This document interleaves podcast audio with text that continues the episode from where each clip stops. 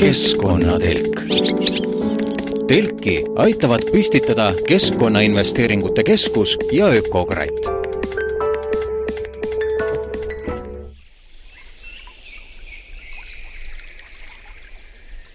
tere! kahe nädala jooksul ehk siis täna ja järgmisel pühapäeval pingutame keskkonnatelgi nööre, kontrollime, kas katus ikka vett peab kas põhi on veekindel, kas keskkonnatelgiga on hea rännata. siis lapime telgi kokku ja oleme taas eetris. see jutt tähendab aga seda, et nii täna kui järgmisel pühapäeval kuulete meie kordussaateid. mina olen saatejuht Kadri Valner ja esmalt pakun teile kuulata saadet, mis oli eetris veebruarikuus, siis kui ilmus trükist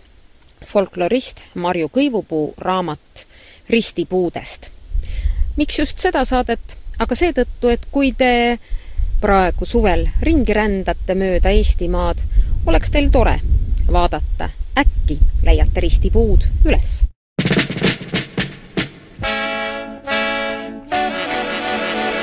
keskkonnatelk lööb vaia maasse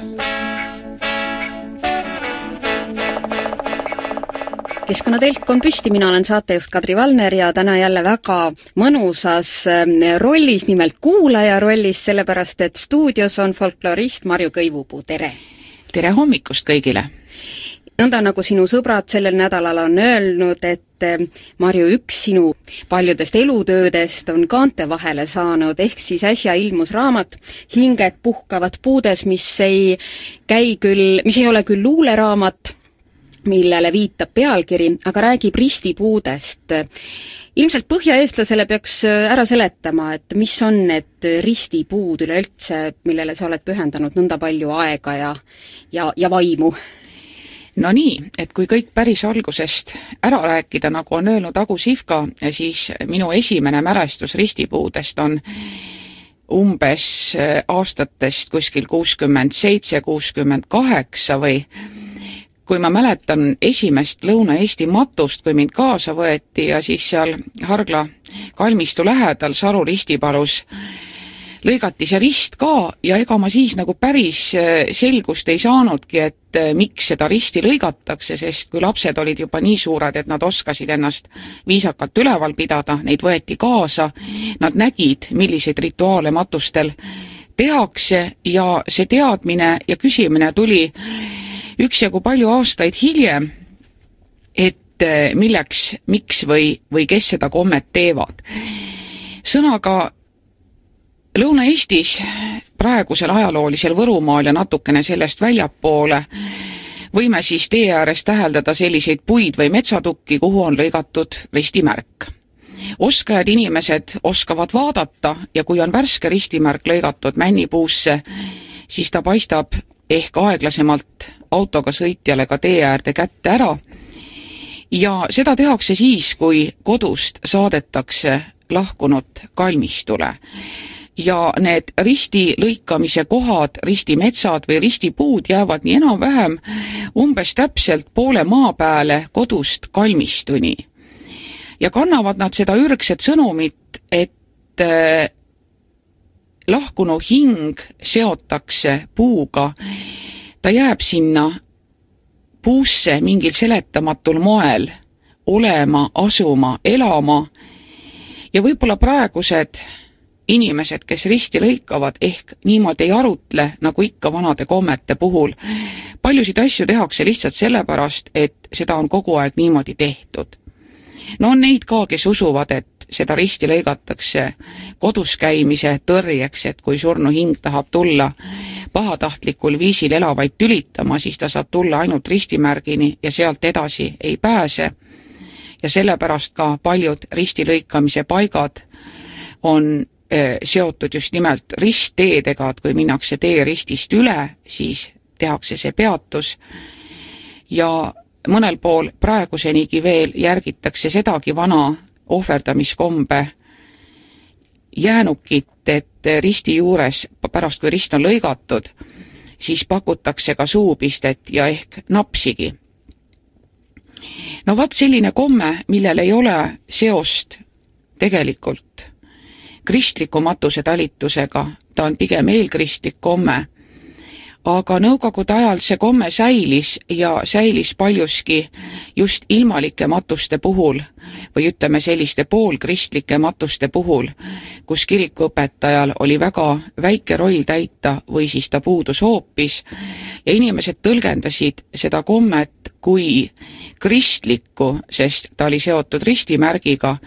ja ristimärk tänapäeval, tänapäeva inimese jaoks sümboliseerib ikka esmajoones kristlust ja vähemal määral ka siis matuseid, matmist ja leina. ja kuna see komme on tuntud olnud ühel või teisel moel pikka-pikka aega, sajandeid, võib-olla isegi rohkem mingisugusel pisut teistsugusel kujul, Läänemere-Soome, Balti, slaavi rahvaste hulgas, siis tähelepanuväärne on see, et nüüd aastatuhande vahetudes neid ristimetsi ja ristimetsatukki sellisel nii, nii palju veel saab kohata vaid Kagu-Eestis, ajaloolisel Võrumaal, natukene siis ka Lõuna-Tartumaal, natukene praegusel Valgamaal, üksikuid puid on leida ka Viljandimaal. Ja selle, sellisel kujul on nad unikaalsed vaata et kogu Euroopas ja kannavad edasi seda pärandkultuuri kauget sõnumit, mis ehk ei ole seotud niivõrd meelelahutuslike ilmingutega, natukene selliste tõsisemate teemadega, igavikulisematega, ja sellepärast on need ristipuud kõigiti tähelepanu väärt. Hiiumaal on olemas Ristimägi, kas see on ka kuidagi mingi nagu sarnane traditsioon või see on hoopis midagi muud või ma olen ka näinud äh, Soomaal vähemalt ühte, ühte viita, et äh, ristipuuni ütleme seal mingi kaks kilomeetrit, et sa praegu ütlesid, lugesid pigem need Lõuna-Eesti piirkonnad ära jah, Hiiu või tähendab, kui ma vaatan nüüd seda Soomaa looduskaitseala, selles raamatus on isegi foto sellest puust, siis ka eh, Viljandimaal on veel kuni teise eh, suure sõjani, teise maailmasõja eelsel perioodil neid riste puu sisse lõigatud, kui lahkunut on saadetud kodust kalmistule. Samamoodi näiteks on tehtud, käitutud Saaremaal, Lääne-Saaremaa kihelkonna ja Mustjala kihelkondades aga pärast teist maailmasõda, nagu me teame, see jättis Eesti rahva mällu ja mm, ajalukku väga mõjusad jäljed, inimesed asustati, nagu viisakalt öeldi, asustati ümber Nõukogude kodumaa teistesse paikadesse. Kodud jäid tühjaks, traditsioonide järjepidevus katkes, aga samuti meie maad ja maastikku kujundati ümber, teid laiendati ja eh, kombeidki hakati kujundama väljastpoolt juba õpetust saanud ametnike mm, ideoloogiliste eeskirjade järgi, iseasi on muidugi see, kuidas neid kombeid omaks võeti, aga sellist, sellistel äärealadel, võiks öelda nii-öelda perifeerias või piirialadel, need vanad kombed säilisid paremini võib-olla seetõttu, et rahvas ei olnud väga jõukal järjel ja neid ei olnud otsest põhjust tarvidust külmale maale saata. E, samuti ka äärealade e, kombestik võib-olla looduslike olude ja mitmete muude mm, selliste argiste tingimuste tõttu säilis natuke paremini. Ja noh, Soomaal me teame, on viies aastaaeg ja kõik muud sellised e, olulised loodusest tulenevad asjaolud, mis tingivad ka traditsioonidest väga tugevat kinnipidamist, see tundub olevat noh, võib-olla naljakas, et, et kuidas see viies aastaaeg näiteks mõjutab selliseid argiseid asju nagu nagu olgu selleks kas või siis matuste korraldamine, aga sellel omad, omad seosed on, sest need ütleme, looduslikud tingimused ja olud äh, on sajandite jooksul, nagu öeldakse, praktikas järele proovitud ja mm, teatud kindlate kommete järgimine kuulub ju ka selle traditsiooni järjepidevuse hoidmise juurde. aga kui sa nüüd küsisid Hiiumaa kohta, siis mm, oli aasta tuhat seitsesada kaheksakümmend tuhat seitsesada kaheksakümmend üks, kui siis Reigi kihelkonnast küüditati viidi eh, siinsed rootslased Lõuna-Venemaale ja selles kohas, kus praegu asub Ristimägi, pidasid nad oma lahkumisjumalateenistuse ja püstitasid sinna ristimärgi. ja see koht kujunes Hiiumaal omalaadseks pühakohaks, kuhu siis kuni tänase päevani selle paiga külastajad teevad riste, millest iganes sinna on maha laet-, laotud maapinnale teekruusast ristimärke, kusjuures ma täheldasin ka seda, et ka sealsetesse männi- ja kuusepuudesse on lõigatud ristimärke. ja ta on selline omalaadne ilming meie maastikul, millel on kultuurilooline tähendus, aga ta jätkab enam-vähem ka seda traditsiooni, mis on tekitanud meie rannaaladel küsitavusi. Ja need on need õnnekivide hunnikud, kus inimesed siis jätavad maha oma kivi, soovikivi lootuses, et et see siis, selle kivi asetamine täidab mõne salasoovi või nagu näiteks on merre ulatuvatel maaninadel, nee-, neemedel see rahvapärane komme, et kui kaugele sa kivi viskad, et kui see kivi vis-, viskad väga kaugele, et siis sa kas niipea ei sure või tuled, külastad seda kohta jälle ja noh, need on sellised hästi, hästi huvitava uskumusliku tagamaaga paigad, kus me tahame märgistada oma kohta, noh Hiiumaal sõites, kui tee ääri pidi vaadata, võib lugeda, eks ole, et tere tulemast koju ja ja nii mõnedki meie turismiobjektid, kaunid liiva kivikaldad on siis uuristatud nimedega, kes seal oli viimati kellega koos ja mida ta sellest kohast arvab, et et oma jälje jätmine ühel või teisel viisil noh, tundub olevat tunnuslik mis tekitab selliseid vastakaid arvamusi, samamoodi ju nagu needsamad ristipuudki, et ühelt poolt võib ta olla märk, aga teiselt poolt, et oh, kuidas sa rikud ju puu ära. ja loomulikult, eh, kusjuures ka Põhja-Eesti inimestega rääkides ongi tekkinud, noh, me oleme sellel teemal hästi palju rääkinud, et kuidas see siis niimoodi on, et puusse lõigatakse märk, et meile on ju kogu aeg õpetatud, et loodusesse tuleb suhtuda lugupidavalt ja puude kahjustamine on noh, inetu, kasvatamatu, et mitte öelda patutegu ja kõik muud sellised negatiivse värvinguga sõnad. no mida ma oskan selle peale kosta, mul on üks tuttav Laatre ristipedajas, mis kandis neid lahkunute riste vähemalt viimased sada, sada viiskümmend aastat ja kuivas ta ikkagi vanadusse mõned head aastad tagasi. samamoodi on puud elanud üle inimeste eh, nii-öelda kasuahnuse või, või majandustegevusest tingitud teatava vägivalla, eh, tegelikult ma alles mõned aastad tagasi teadvustasin endale, et ka vaigutatud männid on tänaseks võetud pärandkultuuri objektide nimekirja, neid vaigutatud vaiguarme puutüvedel võib näha näiteks Lahemaa rahvuspargi metsatukkades, ma paar fotot ka siia ristipuude raamatusse panin va-, võrdluseks ja vaatamiseks. Ja ma ise lapsepõlvest mäletan sealsamas Saru männikus, kus olid ka puud vaigutatud, nende all rippusid need vaigutorbikud ja, ja puukoor oli, või ütleme, puutüvi oli ikkagi väga, väga, väga suurelt äh, nii-öelda siis katki tehtud või haavatud. ristimärki tehes äh, inimene, kes sellest kombest lugu peab ja kes seda kommet austab,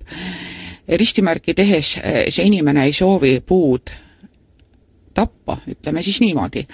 sest uskumuse üks mm, niisugune võtmemõte või filosoofia on ka see, et see puu peab elama väga kaua. See puu peab elama nii-öelda inimesed, need inimesed üle, kes selle ristimärgi tegid ja üks tingimus ongi, et risti lõikamiseks valitakse selline hästi tugev ja elujõuline puu, ja vaadatakse pärast ka, kuidas sellel puul nii-öelda läheb. et kui ta on elujõuline, siis läheb ka suguvõsal hästi ja ka sellel lahkunul, kes on meie hulgast siirdunud teispoolsusse, et ka temal selles maailmas, kuhu me saatsime, läheb hästi. kui puu kuivab või puuga midagi juhtub, siis läheb, läheb ka siin ilmas elajatel, elavatel inimestel halvasti. ja no sealt omakorda tulevad siis kõik sellised nõuded, mis on seatud looduslikele pühapaikadele, et ka ristipuid ei tohi kahjustada, ei tohi langetada, ristipuude ümbrusest ei korjata marju ega seeni, et ta oma ka filosoofilises paradigmas nagu täidab sellise loodusliku pühapaiga või kui soovite kaasaja mõistes, siis ka reservaadi funktsiooni või tähendust. et seal inimene enam rohkem ei sekku millessegi, ta laseb sellel metsal rahus olla, see metsatukk on pühendatud lahkunute mälestusele. üks äh, viimase aja päris suurt kõmu tekitanud äh, lugu oli Põlvamaal, kus üks ristimets tegelikult ju ära rüüstati, sinna, sellest on küll mõni aasta möödas juba. Jah, iga, igal heal asjal on mingisugune nagu positiivne tähendus ka, see on ka kaks tuhat viis jah, kevadel, kui ma olin just ise Tartus käimas, ajasin igasuguseid muid tööasju, äkki heliseb telefon. ja heli küsitakse siis minu käest Postimehest, see oli Martin Pau, et oi, kas sa tead, et praegu, mis praegu Rosmas toimub, et seal võetakse ristipuid maha, mina ütlesin, et oot-oot-oot-oot-oot, et mis selle, kuidas sellega siis on. ja selgus siis, et seda teelõiku Põlvast Võru suunas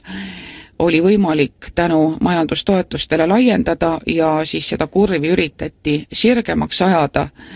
ja kohalikud konfliktid oma suutmatust siis kokku leppida, et kuidas seda teed niimoodi laiendada, et kalmistu ja maantee vahele jääv Ristimetsa tukk ja need suured puud Eh, mis olid seal ka püsinud juba hea hulka aastaid, aastakümneid, noh, ma igaks juhuks ei hakka opereerima selliste emotsionaalsete kategooriatega nagu aastasadu, aga üks, mis kindel, seda Ristimetsa tukka kirjut-, kirjeldas Oskar Loorits, sealt oli andmeid kogunud Richard Viidalepp,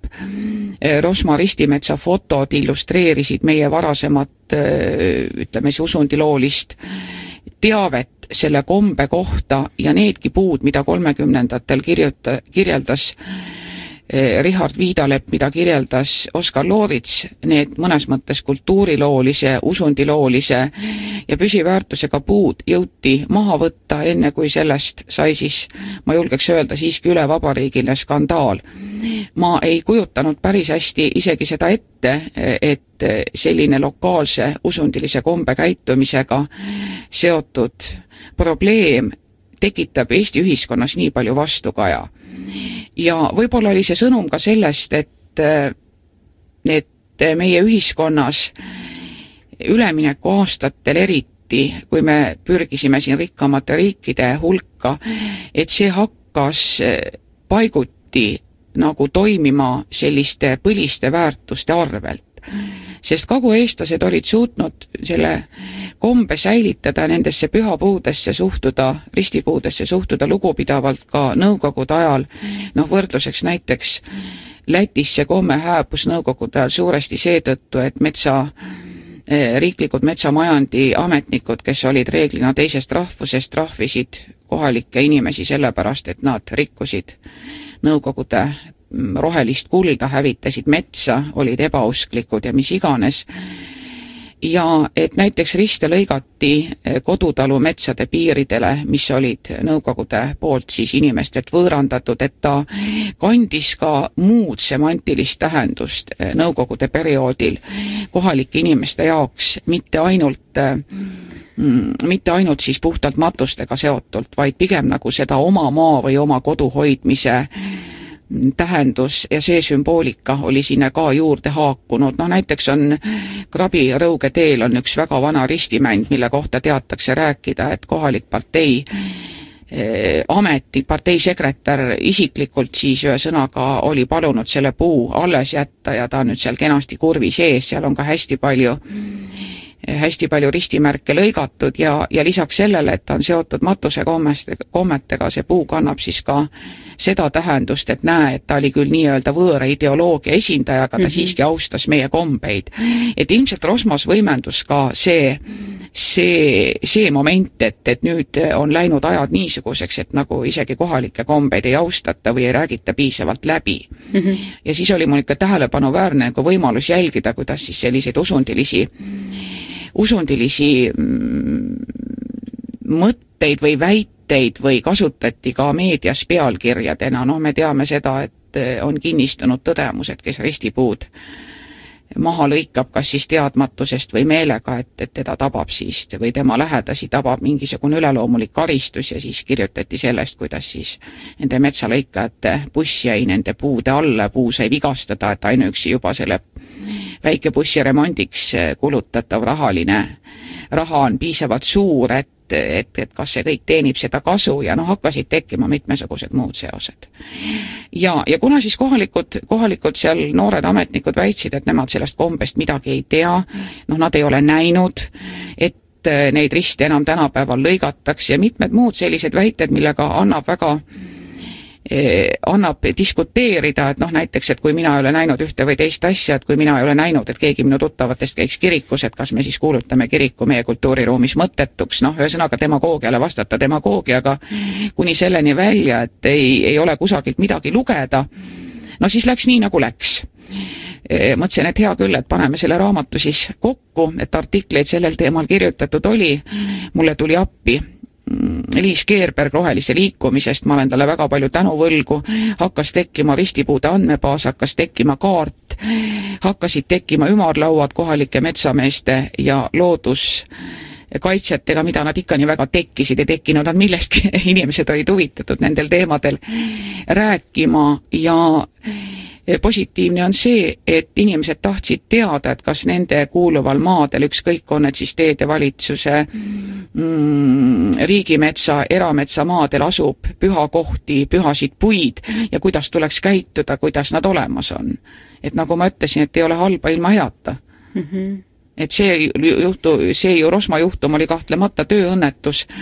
ja kahtlemata neid puid, mis maha võeti, neid enam me tagasi ei saa, aga aga õpetlik lugu oli ta igal juhul ja, ja jättis vaieldamatult sellise valusa, valusa jälje meie, meie sellisele, meie mällu, maastikku. Ja võib-olla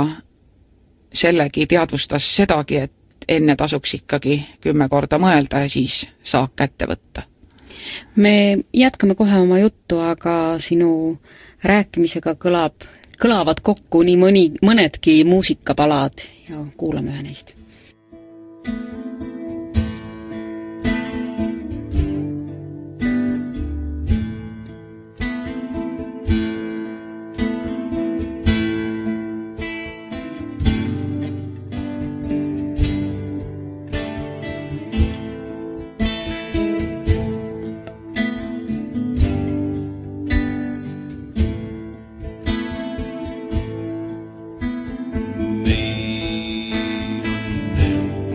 keset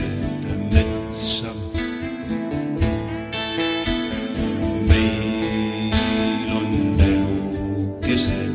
metsa. et puid ja põõsaid keset sammas.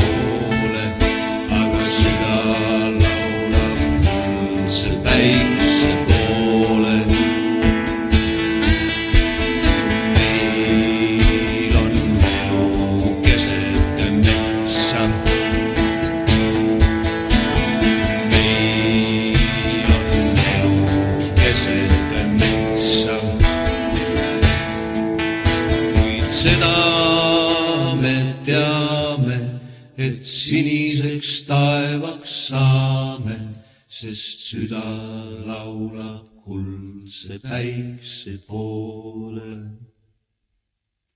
aga seda me teame,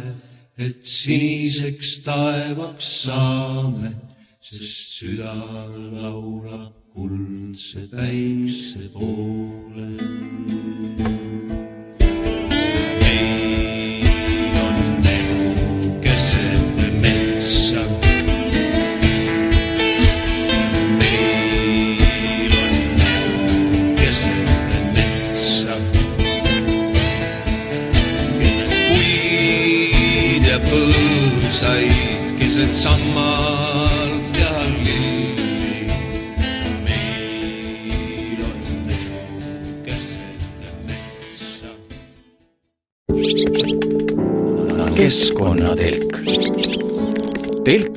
Aitavad püstitada Keskkonnainvesteeringute Keskus ja Ökokratt saade jätkub, me räägime ristipuudest ja stuudios on folklorist Marju Kõivupuu, mina Kadri Valner. Mm, kas see risti, ristide lõikamine puudesse, kas see on seotud ka sellega, nagu Uku Masing ütleb, et eestlane on puudeusku või puuderahvas, et miks, miks just puude sisse tehakse? siis peaks natuke kaugemalt ehk alustama, kui me vaatame maailma eri rahvaste loodususundeid, siis üks selline filosoofiline võtmeküsimus ongi seotud sellega, et mis on see, mis teeb meie keha ilusaks, kust ta meie sisse tuleb ja mis juhtub temaga siis, kui inimene sureb, kui ta lahkub. Ja me leiame erinevate rahvaste usundist motiive, kus siis lahkunu hing asub ümber mingisugusesse looduslikku objekti, kivi, puu, allikas. uurides Siberi rahvaste šamaani kultuure, leidsin sealt motiive, kus eriti väärikaid surnuid siis kogukonna teadjaid šamaane on kogunisti puu sisse maetud niimoodi, et puu sisse, elava puu sisse on uuristatud, koor on ettevaatlikult eemaldatud elava puu sisse on uuristatud ase siis teadja või šamaani maiste jäänuste tarbeks ja siis on see nii-öelda puu osad on tagasi pandud, samuti koor on seotud ja niimoodi aja jooksul inimene, inim-, lahkunud inimene, tema maised jäänused saavad puuga üheks ja see puu hakkab siis elavate inimeste jaoks kandma eriliselt väekat sõnumit ja küllap see niimoodi on, et kui me liigume looduses ringi, siis paljugi seda, mis maastikul on, me näeme, aga paljugi seda, mis maastikku on talletatud, mis on maastikus, seda on väga raske märgata, kui konteksti ei tunne. Ja võib-olla sealt, kui nüüd natukene edasi mõelda, lähebki teatav paradigma kristliku mõtteilma ja metsarahvaste loodususundi vahel võiksime kokku võtta siis nõnda, et selle mõtte, et, et puust oleme me sündinud, sest paljude rahvaste või ütleme, loodusrahvaste usundis on väga tähtis koht ka eh, kujutelmal mm, ürgsest maailmapuust. Me kasutame seda motiivi ise näiteks, kui me räägime pärimuskultuurist. see ürgne maailmapuu on kõiksuse, seksuaalsuse sümbol. ürgne maailmapuu kannab kõikide taimede, loomade, kõikide olendite seemneid, tagab, tagab viljakuse, tagab edu, elu jätkuvuse ja sestap küllap me oleme puude usku ja küllap need rahvad, kes elavad mingisuguses teises kliima vööndis, teises looduslikus keskkonnas väärtustavad rohkem seda, mis on nende jaoks elu jätkuvuse pidepunkt. no võime öelda, et eestlane on ju tegelikult elanud kogu aeg puuajas, meie hooned on olnud puust, meie tööriistad on olnud puust, meil on, eks ole, noatera, vikatitera, mm, sahatera on olnud rauast, metall on olnud hinnas. Seda on täheldanud juba meie etnoloogia Grand Old Man Ants Viires, kes oma raamatus Puud ja inimesed on sellest väga põhjalikult rääkinud. Ja kuigi me oleme põldu harides ehk metsast eemaldunud, on kuidagi jäänud ikkagi see põlispuu või õuepuu meie jaoks eriliselt armsaks, noh meenutagem kas või seda rahvasuust tuntud laulu, kuidas need sõnad olidki, et ainult kask on jäänud truuks mul surmani, kuigi motiivid ise on ju tegelikult, selle laulu motiivid on laenatud saksa saksa folkloorist või saksa pärimusest, aga see oma õuepuu, oma lemmikpuu, puu, õunapuu, vilja kandva puu istutamine, kui peresse sünnib laps, see kogu rituaalide ring, mis puudega seotud on, on väga lai. Ja kui me vaatame kaasaegses linnaruumis ringi, no kas või seesama ta-, Tallinna Kadrioru pargi fenomen, kuivõrd valulikult me suhtume sellesse, et nii mõnigi põlispuu linnas tuleb langetada, me tegelikult ei mõtle sellele, et ka puuaeg saab kõigest hoolimata ükskord otsa, kuigi puud on määratud elama inimesest kordi kauem, saavad ka nemad ükskord vanaks ja ka neil tuleb anda võimalus väärikalt surra. teinekord nad tuleb pargis ikkagi lihtsalt maha saagida, nii julm kui see ka hetkel meile ei tundu. ja, ja me elame puude saatusele palju rohkem teinekord linnas kaasa, kuivõrd võib-olla laseme laguneda mõnel majal, mis kannab samuti kultuuriloolist teavet või püstitame ehitisi sinna, kuhu nad tegelikult ei sobi, me seostame seda progressiga, et puud on meile kindlasti väga tähtsad mm. -hmm. paistab niimoodi välja küll aga nüüd kohe järgmine küsimus on ka selline linnainimese küsimus, et ähm, kui ähm, hinged puhkavad puude sees, nõnda nagu ka su raamatu nimi ütleb, et ähm, kuidas need inimese hinged saavad läbi puu enda hingega, et see on nagu see, et keegi tuleb minu koju, minu korterisse, et kas, kuidas, oskad sa öelda, et kuidas, kuidas see see joon või see asi on? ma hakkasin selle peale mõtlema siis, kui selle Rosma juhtumi ümber mm, seda meediakära hästi palju oli ja siis ma kirjutasin Rohelisse väravasse ühe jutu ja proovisin sellele ristilõikamise kombele läheneda puu seisukohalt ja ma ei tea, võib-olla selles avaldus minu selline egoistlik ja inimesekeskne vaatekoht, aga aga need puud on eriliselt märgitud ja kui me oleme puud valinud oma hingesugulasteks, siis mulle tundus, et see eriliselt märgitud puu, puu staatus nii-öelda puude ühiskonnas võiks olla kuidagi erilisem, sest ristimärk nende ihul, nende kehas tagab selle, et nendele antakse võimalus loomulikku surma surra. ma kujutasin ette, kuidas üks männipuu unistab saada näiteks majapalgiks aga ta ei saa, sellepärast et tuuled ja tormid on painutanud ta kõveraks. kuidas tema üritab ajas või unistab ajas püsivaks saada seeläbi, et temast saab näiteks mõne tähtsa mehe kirjutuslaud. aga millegipärast teda ei valita ka selleks. Ja siis, kui ükskord tullakse ja lõigatakse tema tüvesse ristimärk, siis ta tunneb, et ta on nagu eriliselt ära valitud, et see ristimärk annab talle õiguse elada täpselt nii kaua, nagu talle looja on päevi andnud. muidugi ma saan aru, et see on inimese vaatekoht ja loomulikult ma saan aru, et see on egoistlik ja et ma väärtustan või vaatan puud läbi inimese silmade, sest kui me siia ilma sünnime, meil on kõigil mingi oma funktsioon, mingi oma unistused, mida me tahame täita, elu jooksul võib-olla me muudame neid, sest me ise areneme, me ise muutume aga ma millegipärast arvan, et mitte ükski puu ei taha kindlasti saada hoolimatult kellegi käe läbi murtud, mõttetult maha lõigatud või mõttetult kahjustatud saada. Ja mulle nagu tundub, tundus, et see ristimärk kaitseb seda puud inimeste eest, nende eest, kes metsas käies ta peab lihtsalt midagi murdma, peab midagi maast katkuma, midagi kaasa võtma, et ta ei saa nagu rahulikult metsas olla ma ei tea.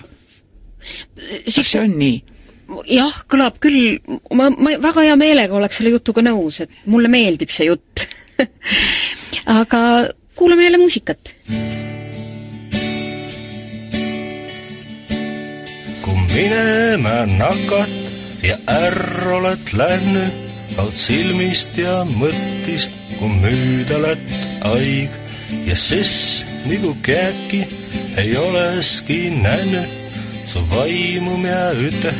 ol sukka kõik haig ja sõs nagu käki ei oleski näinud su vaimu minä üte, ol sukka kõik haig. sust perre viljase su asja ja pildi, koh pääl oled sa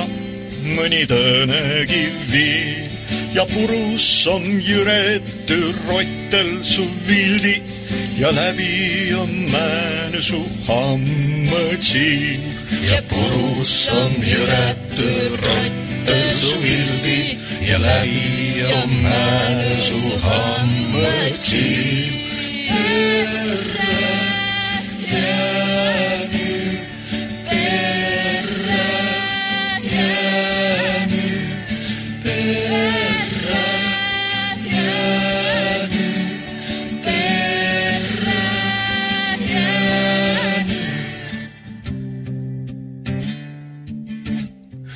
ja tuulõkõ lakk ja puhk ratu pealt liiva ja keve jää jäle ärlumu pealt häot, võid ummata usku, et elu on prima, kui edini elad, et mõte ei kao. võid ummata usku, et elu on prima, kui esini elad, et mõte ei kao. terra, yanu, terra.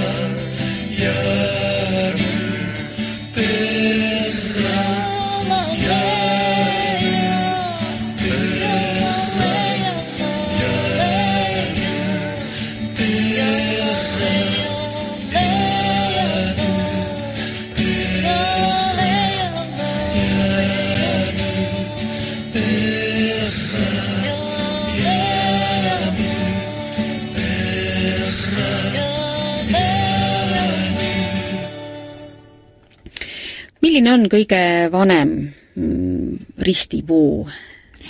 milline praegu kõige vanem on, siis ma võib-olla isegi ei täpselt elus olevaid ei tea, aga veel mõni aeg tagasi oli elus Laatre ristipuu, mis on seal Õru kandis ja jääb Sangaste kihelkonna piirimaile. Teda kirjeldas Mattias Johann Eisen ja oma esivanemate ohverdamistes, mis ilmus trükist minu mälu järgi praegu pluss-miinus enam-vähem täpselt tuhat üheksasada ja pisut peale, ta räägib, kuidas kohaliku kohalik rahvas kalmistule minnes lõikab sinna riste ja see on üks selline väga vana ja, ja komme, mida tõenäoliselt enam ei järgita. Nõukogude ajal oli see ristimänd võetud looduskaitse alla ja kui ma seda raamatut koostasin, tegelikult oli see isegi varem, kas nüüd üheksakümmend neli oli vist Roheliste rattaretk Võrumaale, kuidas elad Võrumaa või, või oli see üheksakümmend kuus, no vot vana inimene enam ei mäleta. ja, ja siis ma vaatasin neid toonaseid teejuhte siin ja sealpool maanteed, et kas on ka mingisugune märk sellest, et et turistile seda või, või maakonna külalisele seda puud näidata ei olnud. me sõitsime sealt mööda ja kuna Sangaste kalmistule on maetud minu isaema ja mitmeid isapoolseid sugulasi, siis mul oli nagu, on alati olnud põhjust sellest puust ikka paar korda aastas mööda sõita ja kunagi ma lugesin need ristid ära, nii umbes paari meetri kõrguselt tuli neid ikka oi-oi-oi rohkem, üle kolmesaja kõvasti. ja oli aasta kaks tuhat ja natukene peale ma läksin kalmistu pühale ja vaatasin, et Laatre ristipuu ümber on keegi tõmmanud sellise oranži maalriteibi,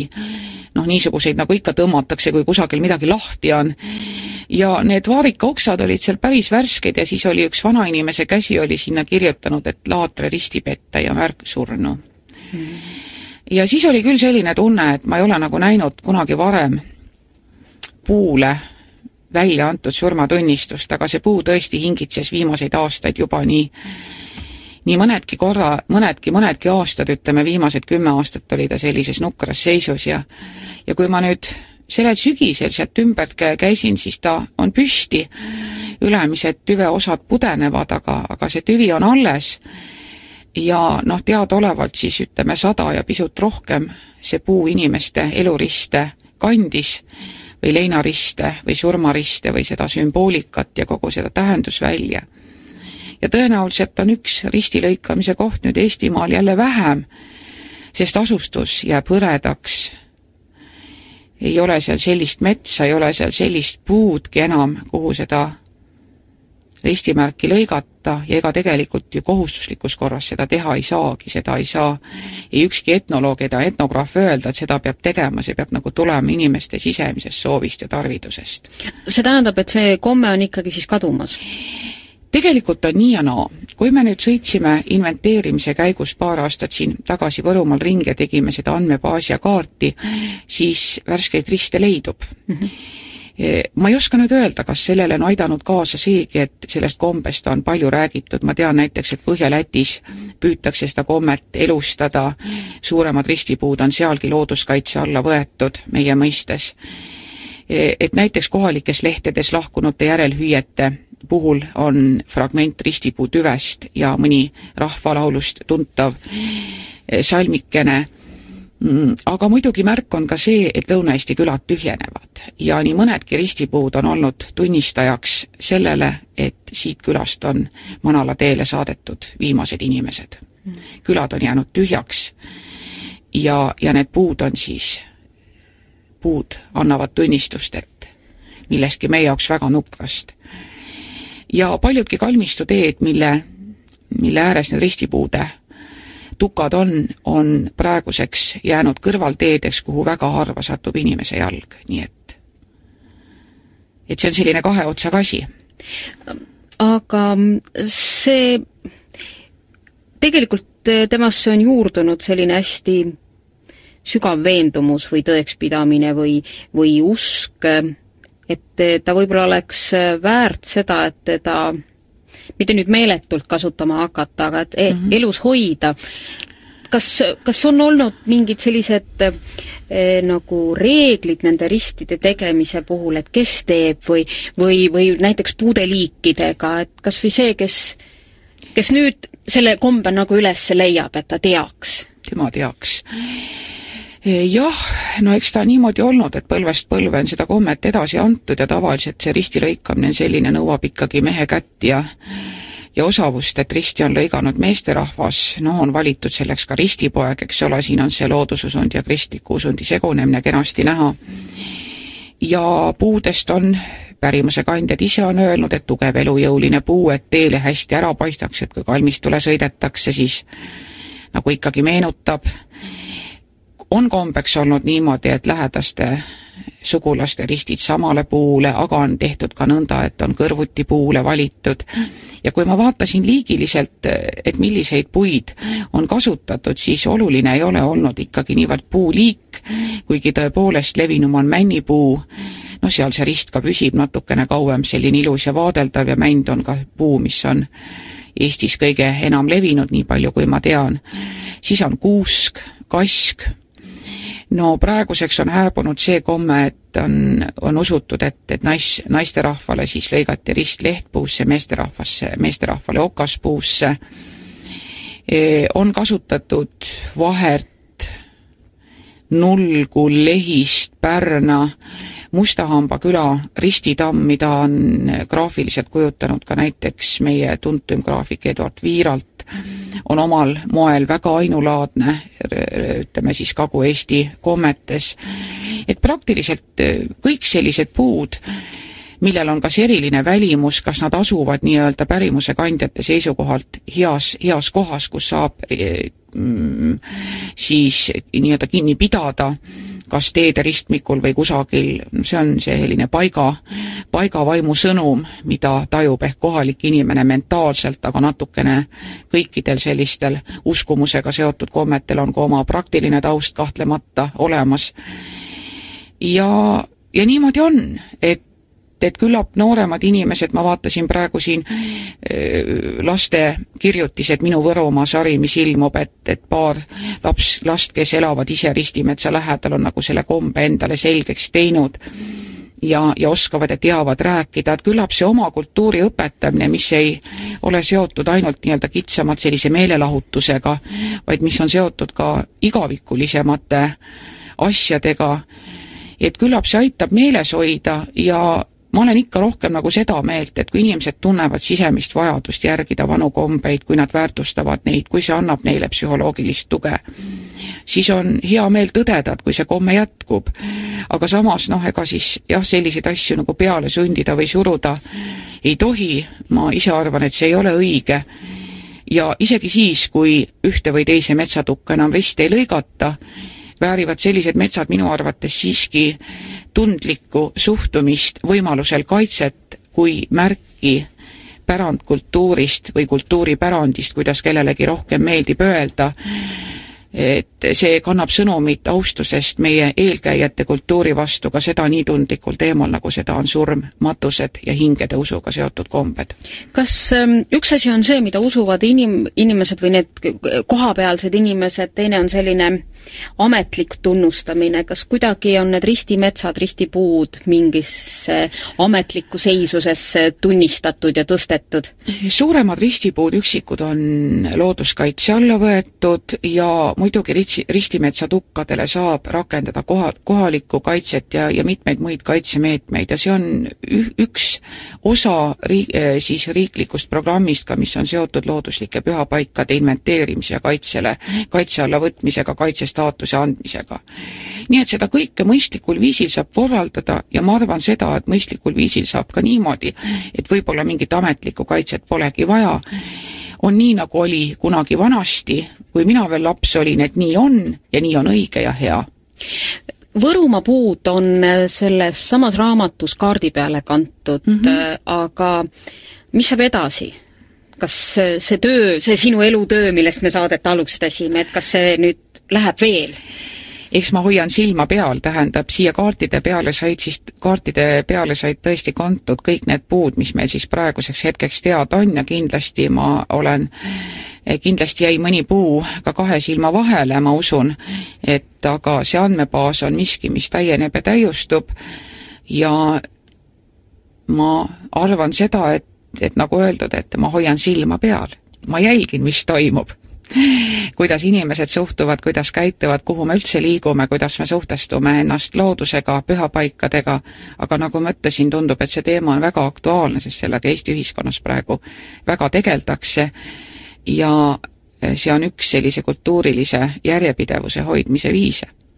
aitäh, Marju Kõivupuu, meie saade ongi läbi, me kohtume nädala pärast. kõike head kõigile kuulajatele!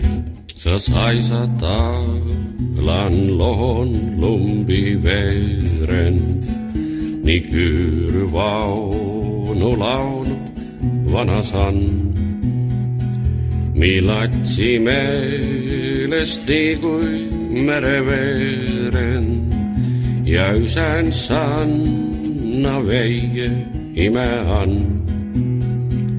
mi latsi meelesti kui mereveren ja ysän sanna veie imean. Es meeldi mulle sõsnu sanna päeva, sest sannan mõni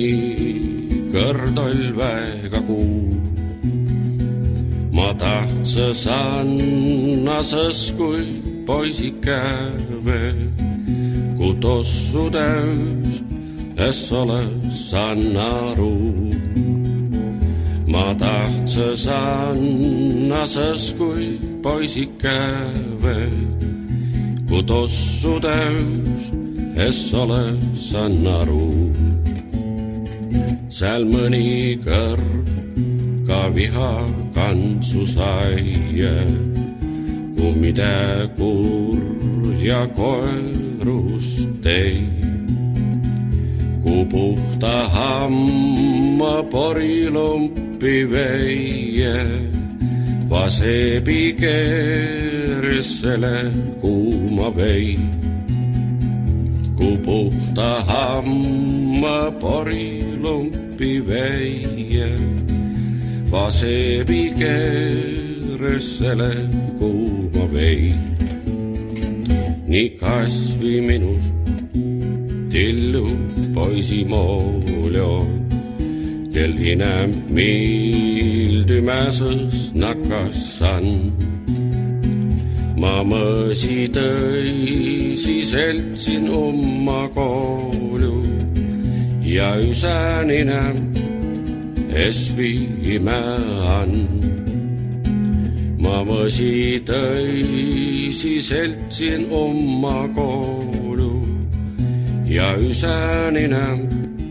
es viimään. Kun tulee puiva, lämmä jälki kodo ja kyttää sinno jälki vanasan. Tu hindel mõõtsast värski viha kodo, tu ausen vii, viisanna imean. Tu mõõtsast värske viha hindel kodo, tu ausen vii, viisanna imean. keskkonnatelk. Telki aitavad püstitada Keskkonnainvesteeringute Keskus ja Ökokratt